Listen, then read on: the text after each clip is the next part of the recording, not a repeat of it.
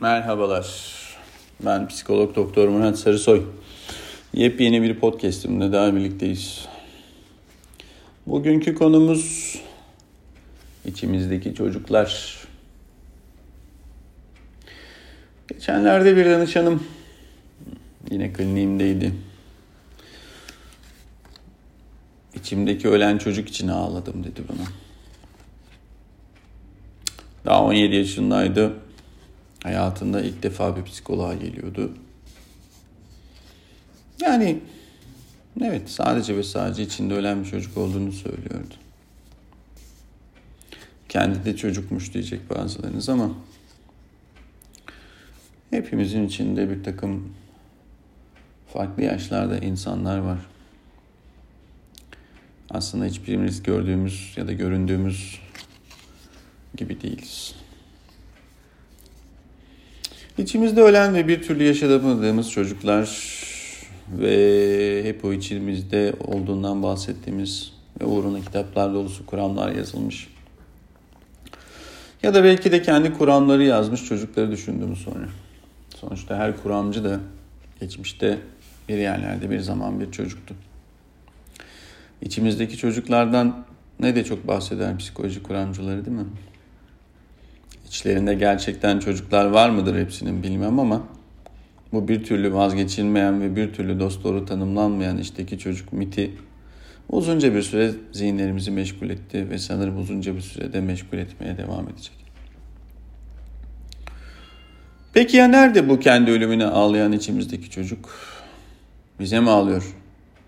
Yoksa bizler o bizim için ağlasın diye onu mu zorluyoruz? Kendimizi acındırıyoruz belki de ona. Ağlamayı severler çocuklar aslında ama yaygın geleneksel kültür çocuklar ağlamasın diye tutturur durur. Çocuklarını ağlatmamak için debelenir anneler babalar. Aman ağlamasın üzmeyelim derler.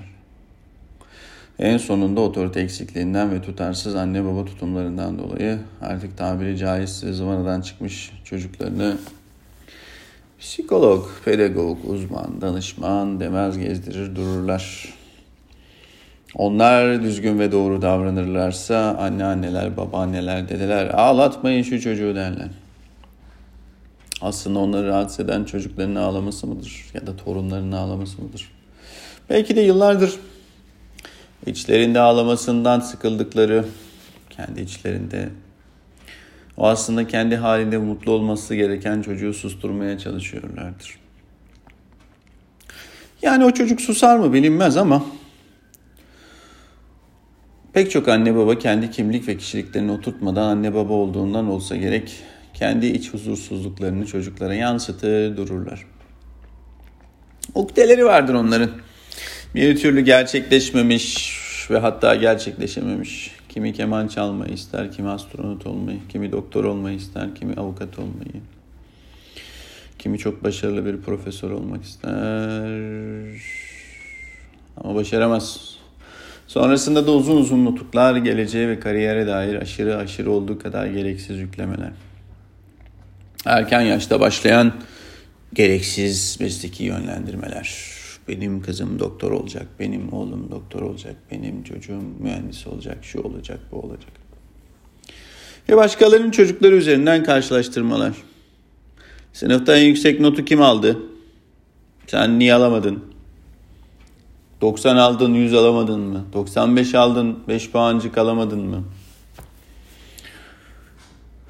Ve aslında aşağılama dolu sorular sorular. Kendi anne babalarının olamadıklarını olmaya zorlanan ya da zorla programlanan beyinler bunları başaramamın korkusuyla dolu çırpınan yürekler. Yani bu 17 yaşındaki danışanımın içindeki çocuğu öldüren şey aslında biz sadece bir sınav sonucuymuş. Belki tekrar anlam bulur yazdıklarım zihinlerimizde. Az önce bahsettiğim türde bir anne babaya sahipmiş. Şimdi düşününce maalesef komik gelemiyor. Burnumuzun dibindeki çocukların, işlerindeki çocukları her geçen gün sözde iyi niyetli, egosu tavan yapmış, Kariyer beklentisiyle gözü dönmüş, babalar ve anneler tarafından hırpalanışını izlemek hiç mi hiç hoş olmuyor.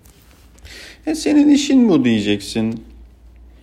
Diyeceksiniz belki de. Yani işim olabilir de biri benim gözümün önünde hırpalanıyor ya da harcanıyor olması da hoş bir şey değil. Çocuklarınız içindeki çocuklara sahip çıkın. Ve kendinizin içindeki küskün çocuklara söyleyin. Çocuklarınızdan uzak dursunlar. Kalın sağlıcakla ve çocukça. Hoşçakalın.